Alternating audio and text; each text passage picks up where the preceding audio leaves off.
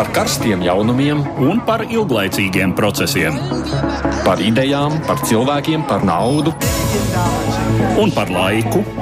Par abām mūsu planētas puslodēm, un lietojot abas smadzeņu puslodes. Ēterā raidījums divas puslodes. Jā, klāt ir raidījums divas puslodes arī šonadēļ studijā Edvards Liniņš un Mārija Ansona, kā parasti tik ceturtdien runājam par aktuālo pasaulē.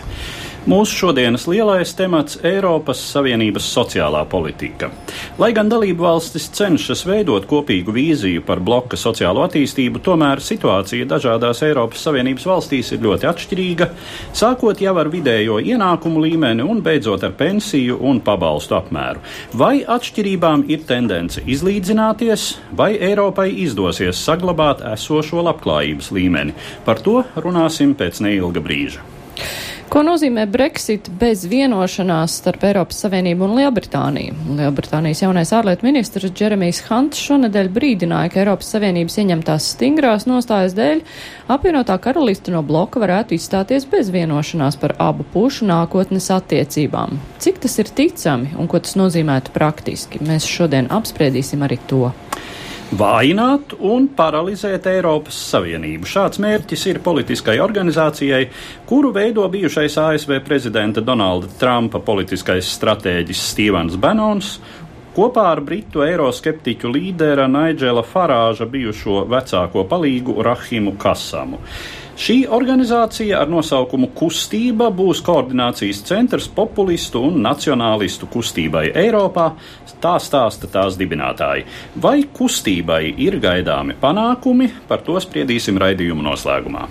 Bet mūsu jautājums Twitterī šodien ir, kā vērtēt Latvijas iespējas nākamajā desmitgadē sasniegt ar Vāciju vai Skandināvijas valstīm salīdzināmus sociālos standartus. Twitter jautājumu, kā arī atbilžu variants, jūs varat atrast Latvijas radio viens kontā, es pateikšu arī atbilžu varianti, ir viens pilnīgi nereāls. 2,50 pret 50, un trešais variants ir, ka uz to būtu jātiecas.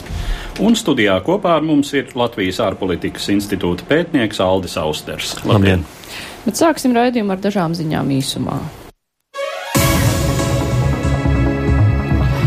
ASV un Eiropas Savienība panākušas vienošanos par kopīgiem soļiem tirdzniecības strīda atrisināšanai. To vakar paziņoja ASV prezidents Donalds Trumps pēc divu stundu tikšanās ar Eiropas komisijas prezidentu Žānu Klodu Junkeru.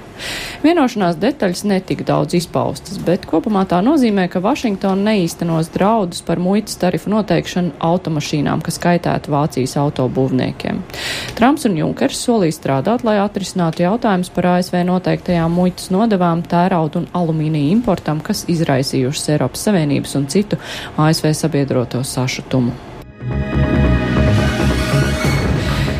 Kubas Nacionālā sapulce svētdien pieņēmusi jaunu konstitūciju, kas atzīst tirgus ekonomiku, taču saglabā komunistu partijas kontroli pār ekonomiku un valsti. Par jauno konstitūciju šogad tiks balsots referendumā. Konstitūcija atzīst privātīpašumu un tirgus ekonomiku, kā arī ārvalstu investīcijas, taču vienlaiks nosaka, ka īpašums ir sociālistisks un piedara visai tautai, bet ekonomiku vada valsts. Politiskajā ziņā tiek noraidīta daudzpartiju sistēma un tiek apstiprināts valsts politiskās sistēmas sociālistiskais raksturs un vienas un vienīgas par, komunistu partijas vadošā loma. Bet no konstitūcijas ir izsvītrots teksts, ka valsts mērķis ir sasniegt komunistisku sabiedrību. Itālija pirmdien piekritus uzņemt nelegālos imigrantus, kas izglābti vidusjūrā, vismaz tik ilgi, kamēr netiks formulēta kopīga Eiropas Savienības stratēģija par taisnīgāku patvērumu meklētāju pārdali. Dalībvalsts centīsies panākt vienošanos par imigrācijas politiku tuvāko piecu nedēļu laikā. Itālija tikmēr nodrošinās, ka kuģi ar izglābtajiem cilvēkiem varēs piestāt pie tās krastiem. Tomēr Itālija vēlas pastāvošo noteikumu pārskatīšanu, lai novērstu to, ka visi patvērumu meklētāji nonāk tikai vienā valstī. Apvienoto Nāciju organizācija pirmdien sākus konsultācijas ar Kipras līderiem, lai noskaidrotu iespējas atsākt pagājušajā gadā izjukušās sarunas par salas atkal apvienošanos. Tik zondētas iespējas vienoties par drošības izkārtojumu pēc iespējamās salas apvienošanās un federatīvās Kipras valsts izveidas. Līdz šim ir bijis, līdz šim klupšanas akmens ir bijis uh, drošības uh, izkārtojums, kurā Grieķu puse grib lai Turcijas armija tiktu izvesta un notiktu atteikšanās no tā dēvēto valstu garantu Grieķijas, Turcijas un Lielbritānijas tiesībām uz militāro iejaukšanos. Savukārt Turku Kipra vēlas zinām intervences tiesību saglabāšanu un ierobežot Turku armijas kontingenta atstāšanu salas, salas ziemeļos. Kipra ir sadalīta kopš pagājušā gadsimta 74. gada, kad Turcijas karaspēks okupēja salas ziemeļu trešdaļu, reaģējot uz toreizējās Atēnu militārās huntas atbalstīto apvērsumu, kur mērķis bija salas apvienošanās ar Grieķiju. Lietuvas valdība rosinās Eiropas komisijai atteikties no igadējās pārējas uz vasaras laiku un tā vietā pastāvīgi ieviest pašreizējo vasaras laiku. Tā tiks iesniegta Eiropas komisijā, kas veic aptauju, lai noskaidrotu viedokļus par pulksteņu griešanu pavasarī un rudenī. Aptaujā, kas ilgs līdz 16. augustam, respondentiem tiek jautāts, vai viņi vēlas saglabāt laika maiņu vai atteikties no tās, kā arī kuram laikam viņi dod priekšroku vasaras vai ziemas laikam. Balsot var visu Eiropas Savienības valstu iedzīvotāju un anketu atrodam Eiropas komisijas mājaslapā. Bet tagad pievēršamies raidījuma sākumā minētajiem tematiem. Mūsu lielais temats tā tad ir Eiropas sociālā politika un ieskatam noklausīsimies sarunu ar Eiroparlamentu sociālo lietu komisijas vicepriekšsēdētāju Nīderlandes deputātu, deputāti Ahnesu Jungheriusu. Divas puslodes!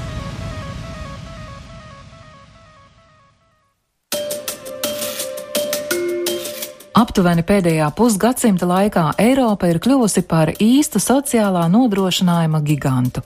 Dāsnas vecuma pensijas, adekvāti bezdarbnieku pabalsti un citas sociālās garantijas tiek uztvertas kā pašsaprotams vismaz vecajās Eiropas Savienības dalību valstīs. Taču modernie attīstības procesi pasaulē izvirza līdzšanējai Eiropas sociālajai politikai jaunus izaicinājumus. Nevien kapitāls un informācija, bet arī darba spēks un ražošanas uzņēmumi mūsdienās pārvietojas daudz straujāk nekā vēl pirms dažām desmitgadēm. Ne visi un ne visur spēja pietiekami ātri pielāgoties šiem procesiem.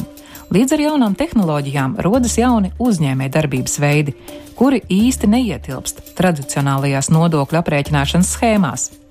Šim problēmu spektram veltīta intervija ar Eiropas parlamenta nodarbinātības un sociālo lietu komitejas vicepriekšsēdētāju, deputāti no Nīderlandes Ahnesu Junhreisu. Runājot par iespēju veidot sociāli vienlīdzīgu Eiropu. Vai šāda iespēja vispār pastāv? Mums ir Rietuma Eiropa ar tās labi iedibināto attīstīto sociāli atbildīgo kapitālismu, un mums ir Austruma Eiropa ar tās postpadomju situāciju. You could say that uh, Europe in, let's say, the broader picture relied on the fact that if the economy is growing, Pat bez šīm krīzēm jūs varat teikt, ka Eiropa, skatoties plašāk, balstās faktā, ka ekonomika augs un ik viens no tā iegūs. Ideja bija, ka jo lielāka kūka, jo lielāks gabals tiek katram atsevišķi. Tas, var teikt, ir diezgan liberāls domāšanas veids, jo tādā gadījumā jums nav vajadzīga nekāda īpaša valsts iejaukšanās. Kaut arī vienam tas kūkas gabals ir lielāks nekā otram, tomēr arī tam otrajam tiek vairāk nekā iepriekš. Un es domāju, tikai pēdējā laika notikumi rāda, ka tā tas nenotiek. Arī ja kūka aug lielāka, tad viss pieaugums tiek dažiem un vispārējie paliek iepakaļ. Ir piemēram ļoti zīmīgi, ka Starptautiskais valūtas fonds brīdina, ka algas sāks atpalikt, un tā ir arī ekonomiska problēma, jo, ja cilvēkiem nav pietiekami naudas kabatā, ir grūti noturēt ekonomikas liedēs. Sevišķi mazie un vidējie uzņēmumi arvien vairāk ir atkarīgi no vidusmēra pilsoņu pirktspējas. Startautiskais valūtas fonds nav nekāda kreisā organizācija. Tas vienmēr ir centies veicināt konkurenci kā ekonomikas stimulēšanas līdzekli. Un ja jau šāda organizācija izsaka brīdinājumus, ka kaut kas iet greizi, tad mums tiešām ir jāpārdomā mūsu darbības modeļi. Jaunajās dalībvalstīs tas ir sevišķi izteikti, bet arī Nīderlandē mēs redzam elastīga darba spēka pieaugumu. Vakar pat mēs uzzinājām jaunumus no mūsu statistikas biroja, kurš brīdina, ka jaunieši atsakās no laulībām, jo nav droši par savu darbu un saviem ienākumiem. Protams, ir 21. gadsimts, cilvēki var dzīvot kopā bez formālas laulāšanās, neviens nav spiests precēties, bet ja cilvēki atliek ģimenes veidošanu, ja viņi nevar atļauties sev māju, jo nav droši par savu darbu, saviem ikmēneša ienākumiem, Tas, protams, neatiecas uz visiem. Ja jūs esat labi izglītots tehniskais speciālists, tad jums atradīsies darbs jebkur, bet ja jūs nesat ar sevišķi augsta līmeņa iemaņām, esat atkarīgs no darba iespējām zemes apstrādē, tad šajā darba tirgu ir tāda elastība, ka cilvēki vairs nezina, kā veidot savu nākotni. Varbūt, kad jums ir 23, tā vēl nav problēma, bet kad ir 29 vai 34 un jūs joprojām nesat droši vai varēsiet varēsiet izdzīvot bez savu vecāku ienākumiem, tad tā ir problēma. Un tas vedīs arī pie sabiedrības problēmām, jo mēs jau tagad Eiropā esam novecojoša sabiedrība, tāpēc mums ļoti vajag cilvēkus, kuriem būtu gaišs skats nākotnē, kas veidotu ģimenes un uzņemtos pienākumus. Tas ir kaut kas, kam mums jāpievēršas ar godīgāku sociālo politiku, un mums, protams, ir priekšlikumi šai sakarā which via social policies we need to address. And there are, of course, also proposals on the table to address this, this kind of issues. Kādi jūsuprāt ir galvenie risinājumu virzieni? Uh, I think it has helped that President Juncker, when he Es domāju, par labu ir nācis tas, ka Eiropas komisijas prezidents Junkers savā inaugurācijas runā paziņoja, ka vēlas 3A reitingu, tātad augstāko kredīta reitingu, arī sociālajos aspektos, lai ne tikai mūsu bankas būtu drošas, bet lai mēs varētu droši paļauties arī uz savu labklājības valsti. Protams, es saprotu, ka ir liela starpība starp minimālo algu jūsu valstī un manējā. Ir starpības starp bezdarbnieku pabalstu Spānijā un Vācijā. Taču prezidents Junkers savā ziņā uzstādīja jaunu standārtu, kas pēc kādu 10 vai 15 gadu starplaika mainīja Eiropas komisijas domāšanu. Proti, ka labklājības valsts schēmas nozīmē nevis izdevumus, bet gan investīcijas jūsu sabiedrībā. Šobrīd galdā ir daudz priekšlikumu, ar kuriem strādā Eiropas. Parlaments. Piemēram, ir priekšlikumi par darbinieku komandēšanu darba uzdevumā uz citu Savienības dalību valsti un komandēto vienlīdzību tiesībās. Tāpat par darba stundu un brīvā laika attiecību, lai cilvēki varētu savienot atbildību par bērniem ar darba iespējām. Tāpat ir priekšlikumi par sociālās apdrošināšanas sistēmu koordinēšanu. Tāpat ir ideja par to, ka ikvienam darbiniekam jābūt tiesībām uz rakstisku līgumu jau no pirmās darba dienas, kurā būtu norādītas darba stundas, kāda būs samaksa un vai tiks ieguldīti līdzekļi apmācībā un tā tālāk. Šī iniciatīva tiek dēvēta par pārskatāmu un paredzamu darba attiecību direktīvu. Tas ir pretsvars 15 gadus ilgušajai darba tirgus liberalizācijai, meklējot iespējas sniegt cilvēkiem vairāk drošības. Visi šie priekšlikumi, protams, ir daļai pretrunīgi, taču jūs nevarat teikt, ka gribat 3A sociālo Eiropu un neizvirzīt priekšlikumus tā īstenošanai. Uh, but you cannot say, I want to have a triple A social Europe and not come up with proposals to make this a reality. Kā jūsuprāt, būs iespējams sevišķi Rietumē Eiropā saglabāt pašreizējo dāsno vecuma pensiju sistēmu, citas sociālās garantijas, ievērojot, ka pelnošo ļaužu daļa sarūk? Uh, you could uh, make, I think, two general remarks. Te var minēt divas vispārīgas piezīmes. Pirmā jautājums ir, kādas darbības jūs apliekat ar nodokļiem? Vai jūs apliekat ar nodokļiem tikai darbiniekus vai arī kompānijas? Galdā ir jauni priekšlikumi, vai mums nevajadzētu aplikt ar nodokļiem augsto tehnoloģiju kompānijas par manu un jūsu datu izmantošanu, lai gūtu no tā ieņēmumus. Šobrīd notiek ļoti plašas debatas par to, kurš Eiropā maksā nodokļus, no kuriem mēs izmaksājam pensijas, sociālās apdrošināšanas maksājumus un tā tālāk. Debatas par to būs dzīves un tik drīz nebeigsies, jo, ja mēs sakām, ka te Eiropā grasāmies aplikt ar nodokļiem Google, tad viņi var pārcelt savu centrālo biroju, teiksim, uz apvienoto karalisti, kas nebūs Eiropas Savienības daļa, vai pārvākties uz kādu nodokļu paradīzi Kaimanu salās. Tātad ir vieglāk sacīt nekā izdarīt. Otra vispārīgā piezīme - kādas ir prognozes par to, kas varētu notikt darba tirgū. Ir tie, kas saka, ka ekonomikas digitalizācijas dēļ nākotnē mums būs mazāk brīvu darba vietu, bet ka mūsu ekonomika ne tikai nosirmo, bet arī kļūst zaļāka. Ļaudis vidē kļūst vecāki, jauniešu proporcionāli ir mazāk, taču digitalizācijas ekonomiskais efekts novedīs pie arvien mazāka darba tirgus, bet iespējams mēs visi strādāsim daudz produktīvāk, un tādējādi tā nebūs nopietna problēma. Es par to neesmu droša. Es esmu pārliecināta, ka mums vajadzīgas citas nodokļu bāzes papildus darba spēkam. Mums jāpliek ar nodokļiem vides izmantošana vai digitālās kompānijas, vai tās kompānijas, kuras izmanto šīs kaimanu salas struktūras, lai vispār nemaksātu nodokļus.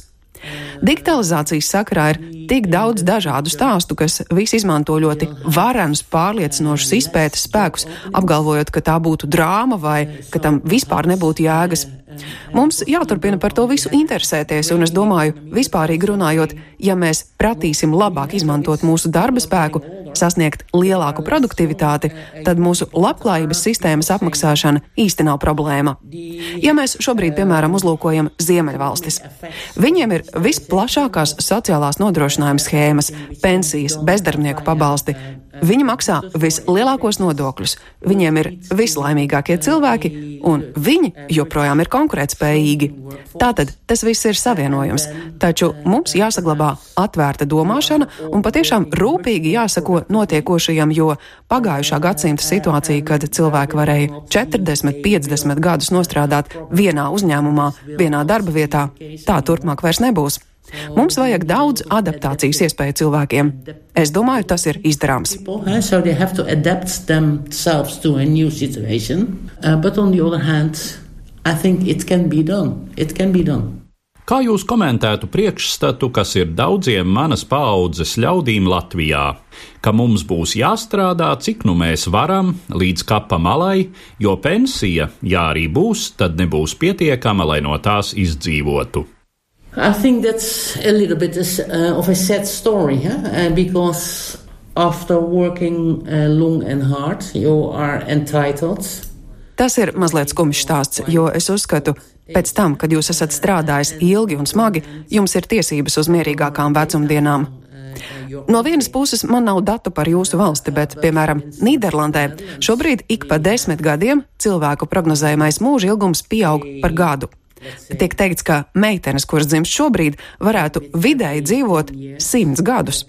Ja tā tas ir, tad eh, ir diezgan dīvaini teikt, ka pēc 65 gadu vecuma jāiet pensijā, jo tad atliek 35 gadi, un kā mēs finansēsim šo ilgo dīkās dzīves posmu. Arī šajā gadījumā mums jāsako datiem, jāredz, kas notiek praksē. Jāsaprot, ka tāds darbs kā manējais, domājams, arī jūsējais, ir samērā viegli darāms līdz lielākam vecumam nekā tad, ja strādā roku darbu celtniecībā, rūpniecībā vai, teiksim, esot policistam Iespējams, mums jāveic kāds dalījums starp roku darba strādniekiem, kuri parasti arī sāk savu darba dzīvi agrāk, un tiem, kuri vispirms studē universitātē un savos agrīnajos 20, tā vietā, lai strādātu, pabauda dzīvi. Iespējams, mums jāstrādā pie elastīgākām sistēmām. Towards more flexible systems, more closely to what's happening in practice. Jā, tā bija saruna ar Eiropa parlamenta sociālo lietu komisijas vicepriekšsēdētāju Nīderlandes deputāti Ahnesu Junkeriusu. Par kādu sociālā līmeņa izlīdzināšanos mēs varam runāt, kamēr ir tik dažāda ekonomika dažādās Eiropas Savienības valstīs. Mēs pat redzam Vāciju, kur pēc atkal apvienošanās bija grūti savienot šīs ekonomikas un izlīdzināt pilnīgi visu. Ko mēs varam vispār gribēt Eiropas Savienībā? Ja nu jāsāk ar to, ka Eiropas Savienības kompetencija neietilp sociāla jautājuma risināšana. Uh, sociālā sistēma ir veidojusies specifiski katrai valstī, jo sociālā sistēma ir saistīta ar to, kā attīstīsies sabiedrība. Un jāatcerās, ka sociālās sistēmas veidotāji ir nevis sociālisti, bet gan liberāļi, kuri jau 19. gadsimta beigās saprata, ka liberāla sabiedrība nebūs iespējama, ja netiks veidot sociāla nodrošinājuma sistēma. Lūk, attiecīgi, kā ir attīstījusies eh, demokrātiskā politika eh, katrā valstī, kādi pastāvējuši sociālai konflikti, tādi arī šī sociālā sistēma. Tas nozīmē to, ka šodienas Eiropas Savienībā nav iespējams izveid, izveidot vienotu sistēmu, jo tas, draudēt ar pastāvošo sistēmu sagraušanu, kas var izraisīt uh, sociāli neparedzamas sekas. Tas, par ko var runāt Eiropas Savienības līmenī, un par ko arī runā gan Žansklots Junkers, gan citi Eiropas Savienības politiķi, ka var um, runāt par zināmiem standartiem, principiem, ka par pienāc, cilvēkiem ir par darbu jāsaņem pienācīgs atalgojums, cilvēkiem jāsaņem tāds sociāla nodrošinājuma līmenis, lai viņu, piemēram, dzīves līmenis nekristos gadījumā, ja viņš nevar atrast darbu, piemēram, veselu cik tos deviņus mēnešus, kā Latvijas gadījumā, un tam līdzīgi, un tam līdzīgi. Par zināmām tiesībām, bet runāt par vienotu sistēmu šobrīd nav iespējams. Jā, visdrīzāk, ka visnotaļ piekrītot, un tas arī nebūtu pareizi, ja Eiropas Savienība sāktu radikāli regulēt atsevišķo dalību valstu sociālo politiku, bet jā, šī izlīdzināšanās kaut kādā izpratnē, kas tomēr notiek starp dažādām Eiropas Savienības dalību valstīm. Jā, arī mēs esam vērojuši to, kas ir noticis Latvijā. Es domāju, ja Latvijai nebūtu šī orientēšanās vispārējā orientēšanās uz iestāšanos Eiropas Savienībā un tad tālāk uz uh, pastāvēšanu, eksistenci Eiropas Savienībā, tad ļoti iespējams mūsu sociālās sistēmas izskatītos citādi. Darba ņēmējiem visdrīzāk vēl neizdevīgākas. Uh, jo tomēr mēs samērojamies ar to, kā tas ir tai pašā Skandināvijā, protams, saprotot, ka ne tuvu mēs tur netiksim, un, un kas to zina, kad, kad tas varētu būt eh, kaut kā salīdzinoši tādos eh, absolūtos lielumos, eh, bet principos, kā bezdarbnieku pabalstam ir jābūt adekvātam, un ka bezdarbnieks nav jāuzlūko kā slaists, kurš acīm redzot ir izmests no darba, tāpēc, ka slikti strādājis, un lai jau nu pats tiek ar sevi kaut kā galā, un tā tālāk, un tā tālāk. Eiropā jau ir sociālās nodrošināšanas sistēmas koordinēšanas regula, kur kaut kā mēģina salāgot šīs lietas, un tā tiek arī modernizēta. Bet cik tālu ar šo regulu tad var saskaņot likumdošanas, kas skar sociālo? Tas, par ko, par ko ir runa Eiropas Savienības mērogā, ir, lai mm, tiem cilvēkiem, kur izvēlas pārvietoties starp Eiropas Savienības valstīm, kur strādā dažādās Eiropas Savienības valstīs, lai viņi nezaudētu sociālo aizsardzību. Jo tomēr eh, sociālās sistēmas ir, ir bāzētas uz, uz, uz nacionālo likumdošanu.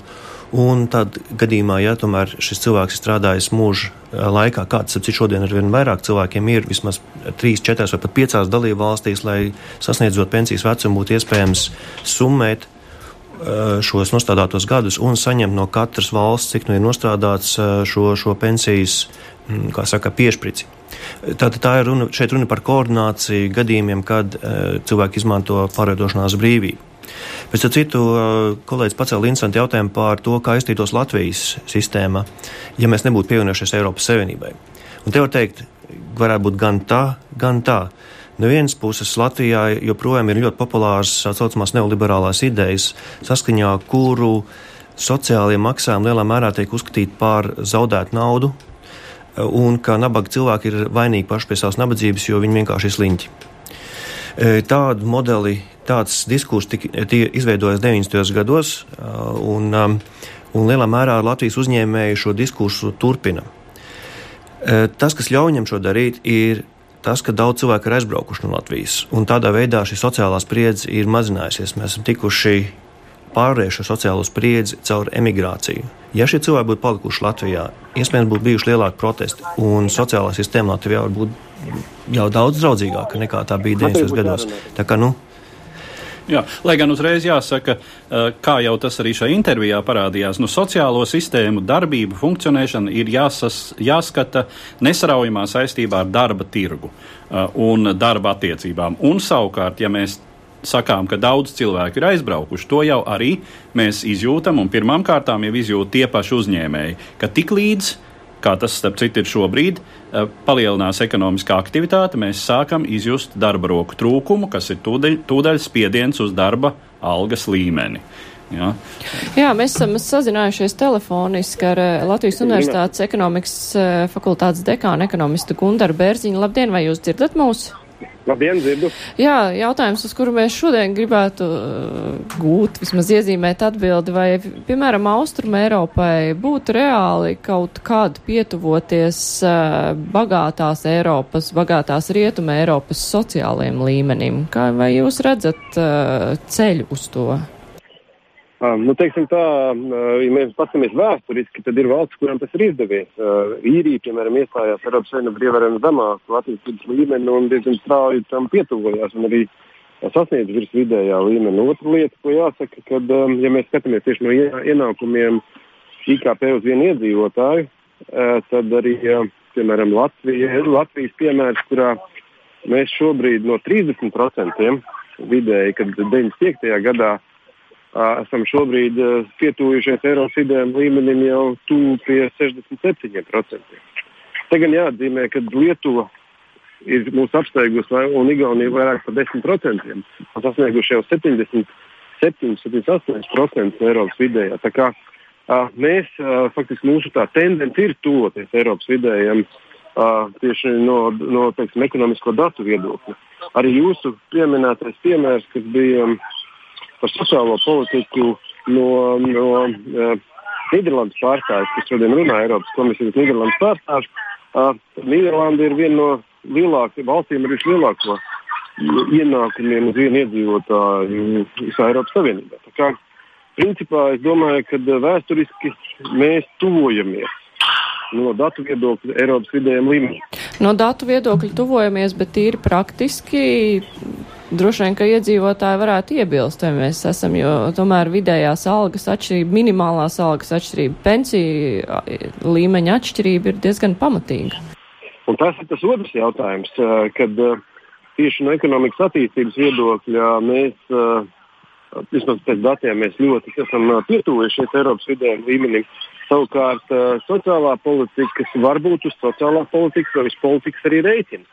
Jo uh, jā, jo te, teiksim, te nu mēs redzam, ka uh, ne visām valstīm izdodas vienādi šī situācija. Tajā pašā Igaunijā, piemēram, uh, jau trīs gadus pēc kārtas ir pozitīva iedzīvotāju migrācija.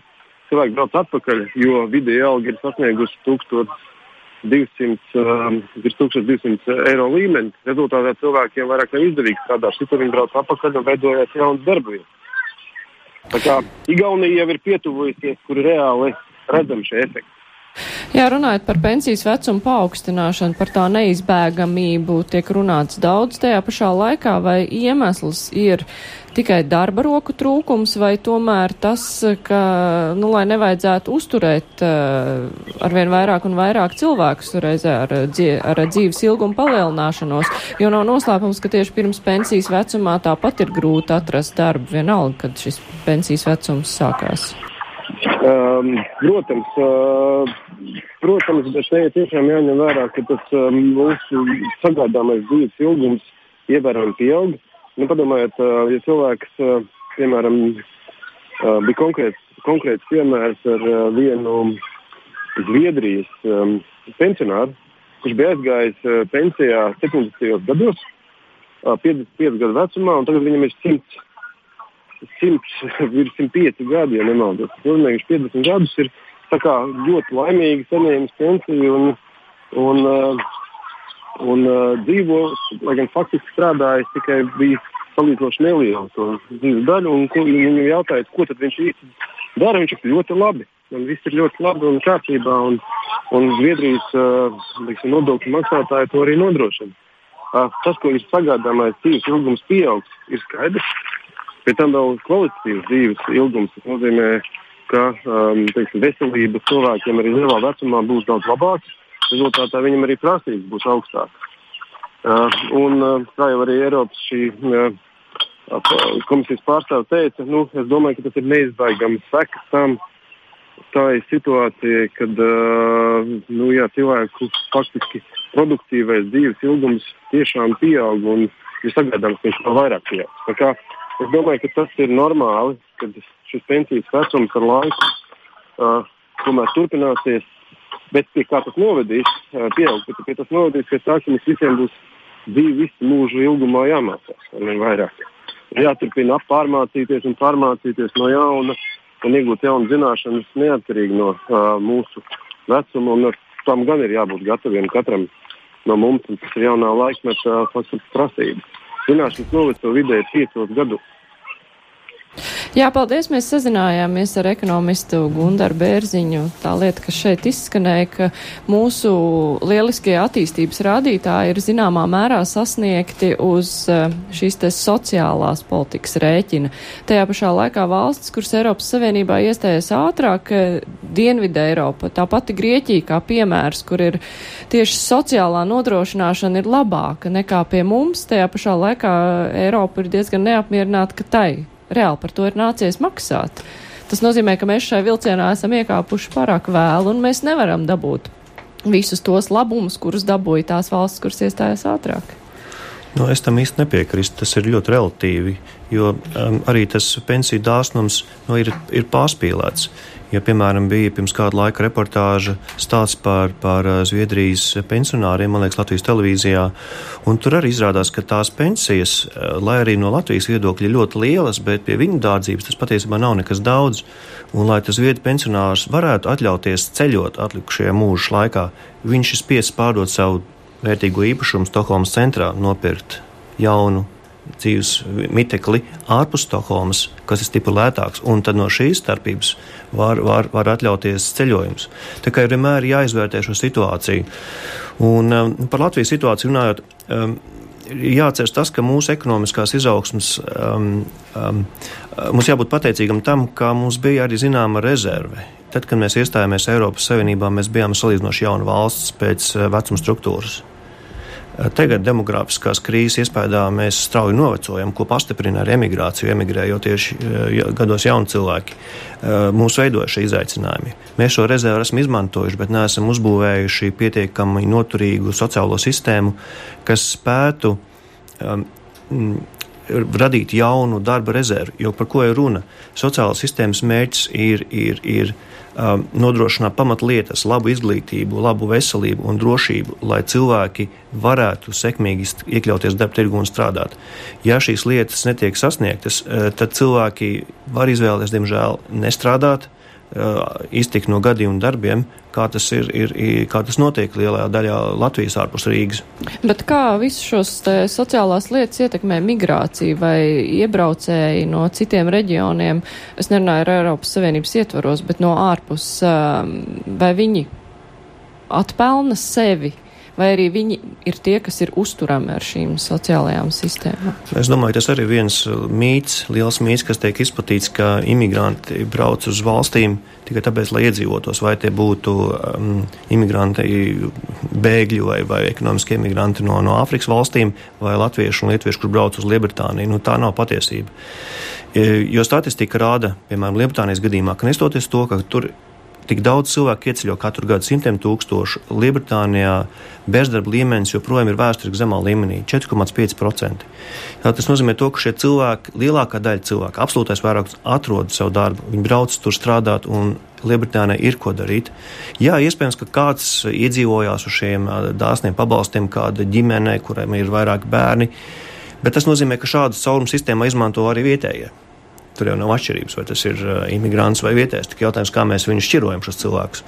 Jā, man ir tāds uh, interesants privāta rakstura stāsts no Francijas, uh, ko mana paziņa, kas dzīvo Parīzē, savulaik man stāstīja, ka Francijas varas iestādes ir ļoti satraukušās par to, ka ieceļotāji no Ķīnas un Dienvidaustrumāzijas hroniski neizmanto Francijas sociālo struktūru, nepiesakās pabalstiem, eh, pārtiek no kaut kādas līdzekļu aprites, par kuru līdz ar to, ā, starp citu, arī neizmanto eh, Francijas lielo banku pakalpojumus. Notiek kaut kāda naudas aprite, kurai līdz ar to valsts kontrolējošās struktūras īsti netiek klāt, un nav skaidrs, kā šie cilvēki eksistē. Par, teiksim, par ieceļotājiem no uh, tuviem austrumiem, kas tur arī ir ļoti daudz, no Āfrikas valstīm, kas tur, protams, ir ļoti daudz. Tur skaidrība ir lielāka, jo viņi tā kā iekļaujās šajā sociālajā sistēmā, izmantotās pakalpojumus.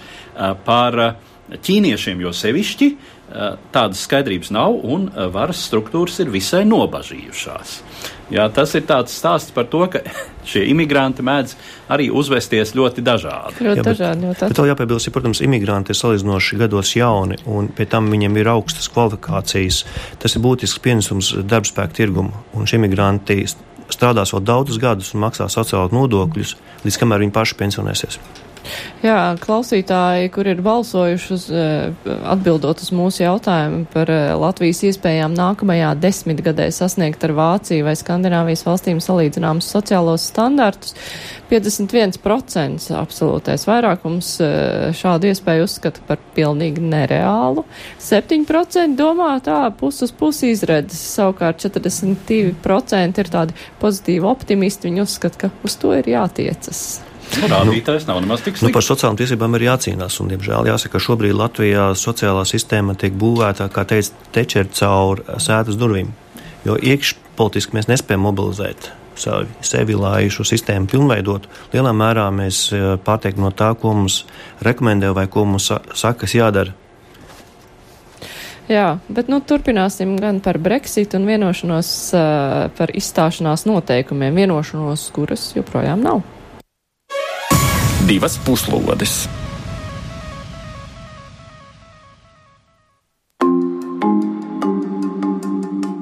Kravas konteineru grēdas uz robežas, pārtraukti lidojumi, ellīgas pasu kontrolas rindas, medikamentu trūkums, kāpjoši parādu apkalpošanas izdevumi un pikējošs valūtas kurs. Tādu dramatisku ainu iespējamam Lielbritānijas izstāšanās scenārijam, nepanākot vienošanos ar Eiropas Savienību, zīmē aģentūras Bloomberg autore Terēza Rafēla. Aizvakardienas publikācijā Brexit bez vienošanās - neprātīga doma, kas var īstenoties.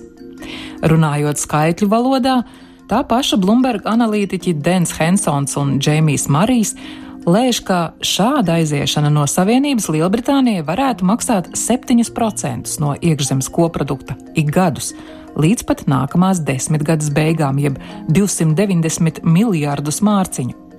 Arī Eiropas Savienība netuvu netiktu cauri sveikā. Kā prognozēja Startautiskais valūtas fonds, Savienības ekonomika varētu sarukt par pusotru procentu, ja vairāk nekā par 200 miljārdiem eiro. Īrijā, kuru ar Lielbritāniju saista visciešākās ekonomiskās saites, ekonomikas kopapjoma kritums varētu sasniegt 4%. Vai tiešām politiķi abās Lamanša pusēs varētu pieļaut šādu scenāriju īstenošanos? Līdz šim Viņi ar šo iespējamību manipulējuši, cenšoties panākt pretējās puses lielāku piekāpšanos. Nenāktos aizmirst, ka līdzīga riskanta taktika savulaik noveda arī līdz Brexitam kā tādam. Kaut arī šo iespēju daudz uzlūkoja kā nesavienojamu ar veselo saprātu.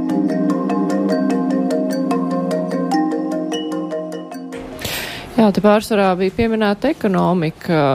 Tad ekonomiskā ziņā šāda vienošanās nēsamība ieviestu vislielākās problēmas vai arī politiski tur būtu, jo, nu, robeža ar starp īrijām, abām Ziemeļīriju un īrijas republiku tā ir viena lieta.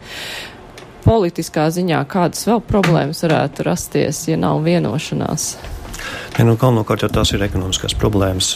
Kā jau reportāžā tika norādīts, tas ir milzīgs rindas, pēkšņi milzīgs rindas uz, uz Lielbritānijas un Eiropas Savienības robežu pie Lamanša. Arī dzen robežu novilkšana starp īriju un Ziemeļīriju, kas būs ļoti politisks smags um, solis, un, un tas var atjaunot šo iesaldēto konfliktu, kas uh, starp um, Ziemeļīrijas un, un, un um, kā, īriem un, un, un, un, un um, britu iedzīvotājiem. Um, jā, un, teiksim, nu, protams, tas jau nenozīmē, ka Lielbritānija izstāsies piemēram no NATO un ka viņi pārtrauks pildīt kādas starptautiskās saistības militārā jomā vai aizsardzības aspektos. Uh, nē, bet, bet vienkārši jā, šis uh, šoks Un, protams, arī dzird, ka Lielbritānija tajā dienā zaudēs savu vietu visās Eiropas Savienības institūcijās, ieskaitot aģentūras.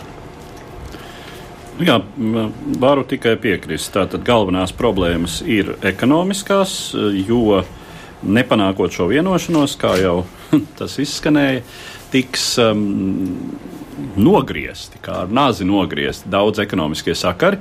Uh, tāds bažu, bažas raisošs simptoms ir tas, ka gan Eiropas Savienības centrālās struktūras, gan Lielbritānijas valdība jau šobrīd gatavo informatīvus materiālus, instrukcijas uzņēmumiem, ja nu gadījumā tas tiešām notiktu, kā viņiem rīkoties, kā viņiem no šīs situācijas, kā viņiem šai situācijā tikt galā.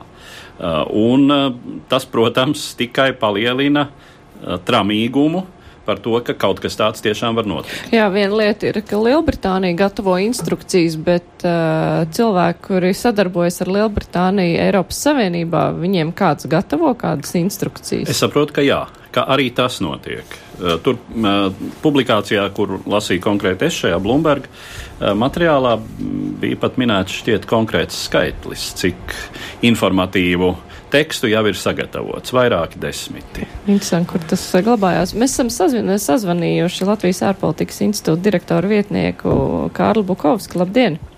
Dien. Jā, Lielbritānija un Eiropas Savienība ir ļoti ilgi risinājušas sarunas, ir bijušas jau gandrīz tā kā panāktas vienošanās, vai tiešām viss šis varētu tikt izmests miskastē un pienākt Lielbritānijas izstāšanās diena bez vienošanās. Kā jums šķiet? Es domāju, ka nē. Es domāju, ka šajā situācijā šīs sarunas, kas līdz šim ir noritējušas, viņās ir panākts uh, diezgan pamatīgs progress, ir diezgan skaidri redzams, kāda šīs attiecības varētu tālāk izskatīties. Brīvās tirzniecības līgums vai muitas savienība ir tehnikas jautājumi, bet uh, tas, ko mēs esam pēdējā laikā redzējuši, es domāju, ka tas ir. Uh, Nu, politiskie manevri. Tie ir politiskie manevri uh, vispirms jau no to, kas ir uh, uh, smagā Brexit atbalstītāja vai, tā, nacionālistiskā spārna uh, politiķiem, kas vienkārši mēģina atgādināt par savu pozīciju, savu vietu un tādā veidā mēģina kategoriski iestāties pozā. Un otrs puses tas ir uh, tiem politiķiem, kas principā atbalsta šo te uh, sistēmu, kas šo te vienošanos potenciālo, kāda tā varētu būt, ieskaitot arī pašu premjerministru Meju. Uh, viņiem šī ir iespēja vienkārši uh, pavaicāt sabiedrībai, parādīt sabiedrībai to, kādas ir šīs negatīvās sekas, kas var pie, piedzīvot. Ka, nu, jau šobrīd mēs divi gadi esam par šo jautājumu runājuši. Un mēs acīm redzot, varam jau iedot konkrēts aprēķins, cik mums ir potenciāli zaudējumi, ja mums ir šis te uh, briesmīgais scenārijs, uh, kāda Brexit izskatās. Jā, bet, nu, kad tiek iezīmēti visi šie briesmīgie scenāriji, vai piekāpšanās varētu būt gan no Eiropas Savienības, gan Lielbritānijas puses kaut kāds kompromiss, vai tomēr kāda no pusēm paliks stingri uz savu? Es domāju, ka beigu beigās kompromiss būs gan no vienas puses, gan otras puses, jo nu, viens no Eiropas Savienības klasiskajiem lēmumu pieņemšanas vai vienošanos panākšanas uh, taktikām ir tas, ka ja visas puses ir neapmierinātas, tas nozīmē, ka tas ir labi. Tikai tāpēc, ka tad neviens nevar teikt, ka viņš ir iznācis no visa šī te kā uzvarētājs, un otrs daļa tā nebūs apvainojies. Un šajā konkrētajā situācijā kategoriskās pozīcijās iestājoties, zaudētāji būs gan vieni, gan otri. Līdz ar to koncesijas, kaut kādas piekāpšanās, skaidri un gaiši ir gan no vienas puses, gan no otras puses uh, jau bijušas, un arī vēl ir, vēl ir arī, ticamākais, sagaidāms, tuvojoties, sāsinoties šīm politiskajai retorikai. Tīri tehniski, kam ir jāpieņem galvārds par vienošanos Lielbritānijā? Pašā Lielbritānijā. Šī gadījumā runa, runa ir par, nu, tur ir vairāk variantu. Pirmais jau, protams, ka valdība pieņemtu lēmumu, bet otrais tas, ka parlaments grib pieņemt šo lēmumu un uh, beigās balsot, kas, ir, kas ir pieņemtais lēmums. Bet nu, vēl jau ir stāsts arī par tiem, kas atbalsta to, ka ir nepieciešams arī vēl viens referendums. Un ka šis tomēr nu, nav, nav gluži margināls viedoklis, un ka tomēr ir pamats uzskatīt, ka iespējams, ka Lielbritānijai pieņemot šādu lielu lēmumu, ka šai sabiedrības uh, otrreizējai aptaujāšanai tomēr vajadzētu notikties. Visticamākais tas nebūs par palikšanu Eiropas Savienībā, bet tas būs par šā, šāda veida situāciju, šo vienošanos, šī te brīvā tirdzniecības līguma sistēmas akceptēšanu. Jā, paldies. Mēs sazinājāmies ar Latvijas ārpolitikas institūta direktoru vietnieku Kārli Bukovski. Tad izskatās, ka tās virāžas tur var būt vēl diezgan lielas. Tajā pašā laikā laika līdz izstāšanās brīdim nav nemaz tik daudz, tie ir mēneši. Nu, jā, nu pagaidām it kā vēl grafiks nav, kā saka, uh, katastrofāli pārkāpts, jo bija paredzēts, ka sarunu process ilgst apmēram līdz šī gada oktobrim, lai tad līdz izstāšanās brīdim, kas ir martā, var uh, pagūt. Tieši Britu parlaments var pagūt, uh, apstiprināt šo izstāšanos. Nu, iedomāties, ka Lielbritānijā varētu rīkot referendumu par šiem jautājumiem, tas ir diezgan apšaubām, manuprāt, jo kāds tad varētu būt referenduma jautājums? Tur tad būtu jāuzstāda kādi desmit jautājumi, un tur ir tik daudz tehnisko niansu. Nu, tās, ir, jā, nu, tās, ir, tās jau ir lietas, par kurām tiešām var vienoties vairāk vai mazāk tikai profesionāļi. Uh, es ļoti šaubos, vai vidusmēra vēlētājs jebkurā valstī uh, varētu kompetenti spriest uh, par, par šo situāciju. Bet, protams, politiķu vidē ir šīs uh, vienotības trūkums Lielbritānijā, un, un tas, nu, protams, sagādā ļoti lielas problēmas, kā mēs to redzam premjerministras Mējas valdībai, kura bija iecerējusi šo maigā Brexita variantu, par to mēs runājām uh, vai pagājušā vai aizpagājušā raidījumā. Ja? Tā tad mm, salīdzinoši līdzenu izstāšanās procesu ar muitas uniju, ar uh, brīvu, diezgan brīvu režīmu uz Lielbritānijas un Īrijas republikas robežas Ziemeļīrijā un tam līdzīgi. Bet eh, vai cilvēkiem, Eiropas Savienības pilsoņiem, kur strādā Lielbritānijā, vēl ir par ko uztraukties? Ne, nu, Lielbritānijas valdība ir ir, ir garantējis, ka viņa tiesības uh, tiks ievērotas, piešķirtās garantijas būs spēkā arī pēc izstāšanās. Bet kādā ir, formā ir šīs garantijas, vai tās nevar eh, tikt atceltas? Nu, tas visticamāk tiks iestādāts līgumā. Šobrīd tas ir vienkārši uh, deklaratīvā līmenī. Mēs valdība ir paziņojusi, ka viņas tiks respektētas, un arī Eiropas Savienība ir paziņojusi, ka respektēs uh, Lielbritānijas pilsoņu tiesības, kuri dzīvo ārpus Lielbritānijas Eiropas Savienības valstīs. Uh, par to referendumu jautājumu starp citu runājis ir bijušais Lielbritānijas premjeras Tonijs Blērs. Un jautājums varētu būt referendumā par to, vai tauta akceptē izstāšanās nosacījumus, par kādiem tiks panākt vienošanās. Jo Mējai ir politiska problēma, viņa interpretē uh, doto mandātu diezgan strikti, par Brexit mandātu, ka ir jāizstājās un ir jāsarauj uh, teiksim, jāsaglabā zināmas ekonomiskās attiecības, taču jebkuras politiskās attiecības, piemēram, sadarbība ar Eiropas institūcijām vai Eiropas kopienu tiesas lēmumu ietekmi, tas viss ir jāpārtrauc. Uz ko savukārt krasi iebilst Eiropas Savienības pusi, jo uzskata, ka tas tādējādi tiks traucēts normāls vienotā tirgus Eh, darbību šādā veidā. Un arī tas, ko sakām Eiropas Savienības puses šobrīd, ka tāds vienkārši brīvās tirzniecības līgums var arī nenostrādāt, jo ir grūti, piemēram, nošķirt, kur ir brīvā tirzniecībā precēm un kur ir uh, pakalpojumu kustība. Jo zinat, ka šodienas ekonomikā liela nozīme ir arī um, pēc pārdošanas pakalpojumiem. Jūs kaut ko nopērkat, un tad jums nāk servis līdzi. Un, uh, ja ir brīva pakalpojumu kustība, tas nozīmē arī brīvu cilvēku kustību, jo pakalpojumu sniedz, sniedz cilvēki. Tā kā šeit, ir, uh, šeit nav iespējams tā vienkārši izraut gabaliņu no tā, no tā tirgus un teikt, tas viss darbosies. Un tā ir savukārt Eiropas Savienības bažas. Un jautājums arī par maksājumiem Eiropas Savienības budžetā, jo, ja Lielbritānija noslēgs brīvās tirdzniecības līgumu un ja nebūs jāmaksā Eiropas Savienības budžetā, tad tas uh, radīs vien neizpratnī Norvēģijas Norvēģijā un arī Šveicē, kuras maksā par piekļuvi Eiropas Savienības tirgumu. Tā kā noteikti diezgan daudz kompleksu jautājumu. Jā, tā kā es domāju, ka mums neviens viena raidījums vēl būs jāvēlta šim tematam līdz pašam Brexit, varbūt arī pēc tam. Bet turpināsim raidījumu ar tematu, kas arī skar Eiropas Savienību, bet mēģinājumiem to sagraut. Divas puslodes.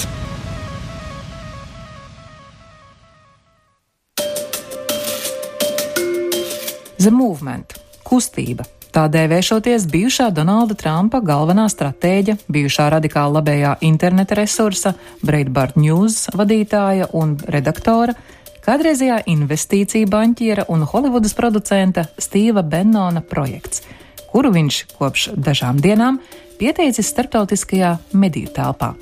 Tas būs fonds, kas sniegšot aptauju, izpētes un analīzes, strateģiskās plānošanas un komunikācijas atbalstu izteikti labējās ievirzes partijām pirms nākamā gada maijā gaidāmajām Eiropas parlamenta vēlēšanām. Jau līdz šim Benonam bijusi sadarbība ar veselu virkni šādu organizāciju, tā skaitā Marijas Lepēnas Nacionālo fronti Francijā, Viktora Orbana Fidesz Ungārijā, Alternatīvu Vācijai Austrijas Brīvības partiju un Ziemeļu līgu Itālijā. Kā zināms, vairāki no šiem politiskiem spēkiem ilgāku vai īsāku laiku ir pie varas savās valstīs. Un arī to izredzes Eiroparlamenta vēlēšanās tiek uzlūkots kā visai nopietnas. Stīva Benona deklarētais taktiskais mērķis ir izveidot monolītu Eiropas parlamenta ultralabējo bloku, kas sagrautu līdzinējo uz konsensu orientēto Briseles politiku, pārvēršot to cīņas arēnā pret Davosas partiju uz tālāku Eiropas un globālo integrāciju orientētiem liberāliem spēkiem. Aiz okeāna nacionālisma karogneša stratēģiskā vīzija ir Eiropas Savienības sabrukums, sadaloties nacionālās valstīs, kas, viņa prāt, arī ir pareizā lietu kārtība mūsu pasaules daļā.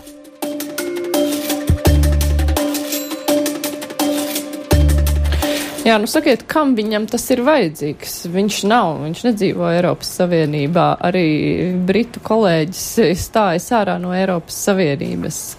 Priekš kam viņiem to vajag darīt? Ne, nu, nepārprotami ir individuālas ambīcijas.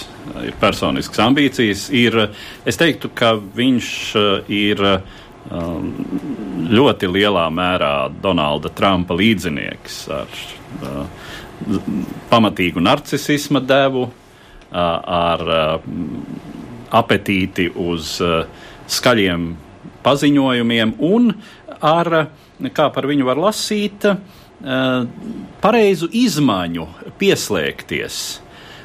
Pieslēgties procesiem, kur viņš var gūt arī dzen, savu ievērības pīrāga šķēlīti. Ja, un, uh, līdzīgi tiek vērtēta viņa loma uh, Donalda Trumpa priekšvēlēšana kampaņā. Uh, kā zināms, Trumpa komandu viņš visai drīz pameta pēc tam, kad prezidents bija pie varas nācis. Un, un šis tiek vērtēts kā līdzīgs projekts. Tā tad viņš ir saudis, prasti sakot, ka patiešām šie spēki var gūt ļoti nopietnus panākumus. Nākamajās Eiropa, par, Eiropas parlamenta vēlēšanās, un tas tiek prognozēts, ka nākamais Eiropas parlaments būs daudz bagātāks ar radikāli nacionālistiskiem, populistiskiem un tā tālāk virzieniem, eh, un mēģina tā sacīt, eh, gūt no tā sev konkrētu pielietojumu. Jā, bet kāds labums viņam? Ja, nu, jā, es domāju, ka viņš ir uh, bijušais investīcija banķieris, kurš tam pievērsies, ir, ir mediju jomai. Uh, tā varētu teikt, ideāls, kuram ir nākusi kaut kāda apgaismība viņa izpratnē.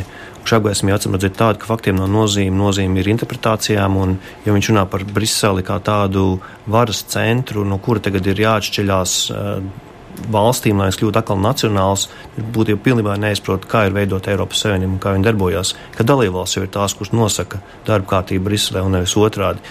Un visbeidzot, grūti iedomāties, ka Francijas vēlētājs varētu sekot uh, amerikāņu līderībai. Jā. Es tikai nu, domāju, vai investīciju banķieris tur kaut ko var nopelnīt šajā visā projektā. Nē, ne, nu, viņa uh, vēlēšanās nav nopelnīt lielu kapitālu. Viņa vēlēšanās, teiksim tā, ir līdzināt, piemēram, līdzināties Džordžam Sorosam, ko viņš arī ir uh, teicis, ja Džordžs uh, Soros ir lielisks, uh, sevišķi tā ziņā, ka viņš ir dibinājis šo atvērtās sabiedrības fondu. Viņš ir, protams, arī ļaunais spēks, sliktais, jo liberālis. Bet, lūk, šajā ziņā es varu no viņa tikai mācīties, un es cenšos no viņa mācīties.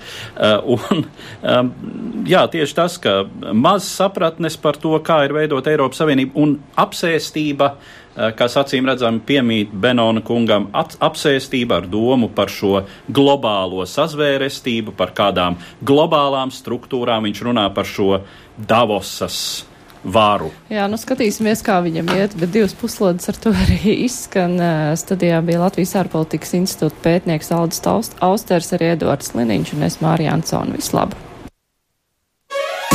Divas puslodes!